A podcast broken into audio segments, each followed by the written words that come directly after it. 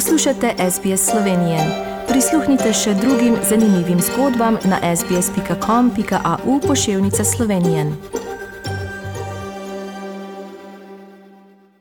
Pozdravljeni, ljubitelji športa. Najbolj odmevni športni dogodek minulih 14 dni v Sloveniji je bilo svetovno prvenstvo v hokeju na ledu druge svetovne kakovostne divizije. Slovenski risi, kot popularno imenujemo slovensko hokejsko reprezentanco, so dosegli cilj in se po nekaj letih znova uvrstili med elito 16 najboljših reprezentanc na svetu. Turnir petih sodelujočih reprezentanc so risi v dvorani Tivoli dobili brez poraza, zmagami proti Litvi, Romuniji, Mačarski in Južni Koreji.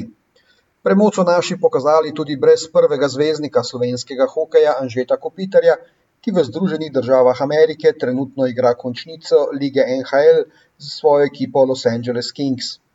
Poleg slovenske reprezentance se je med elito za prihodnje leto uvrstila tudi Mačarska.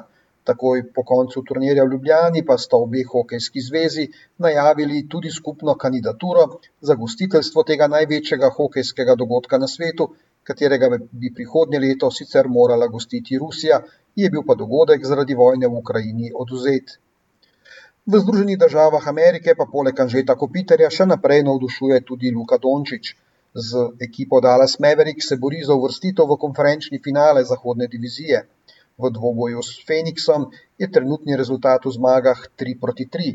Zmagovalec odločilne sedme tekme pa se bo v naslednjem krogu boril za vstop v veliki finale letošnje sezone lige NBA.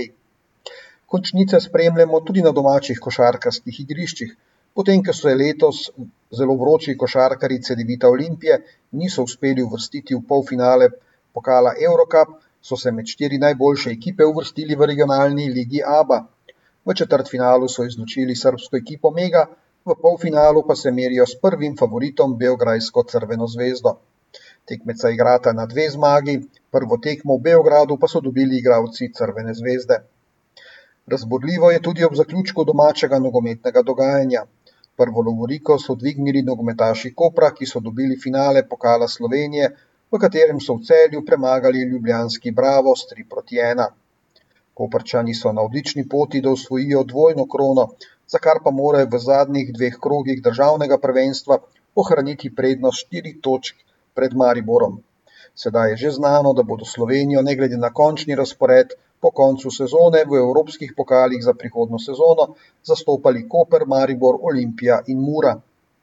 Simultanko s tekmeci pa še naprej izvaja Tim Gajser v boju za nov naslov svetovnega prvaka v elitnem motocross razredu MXGP.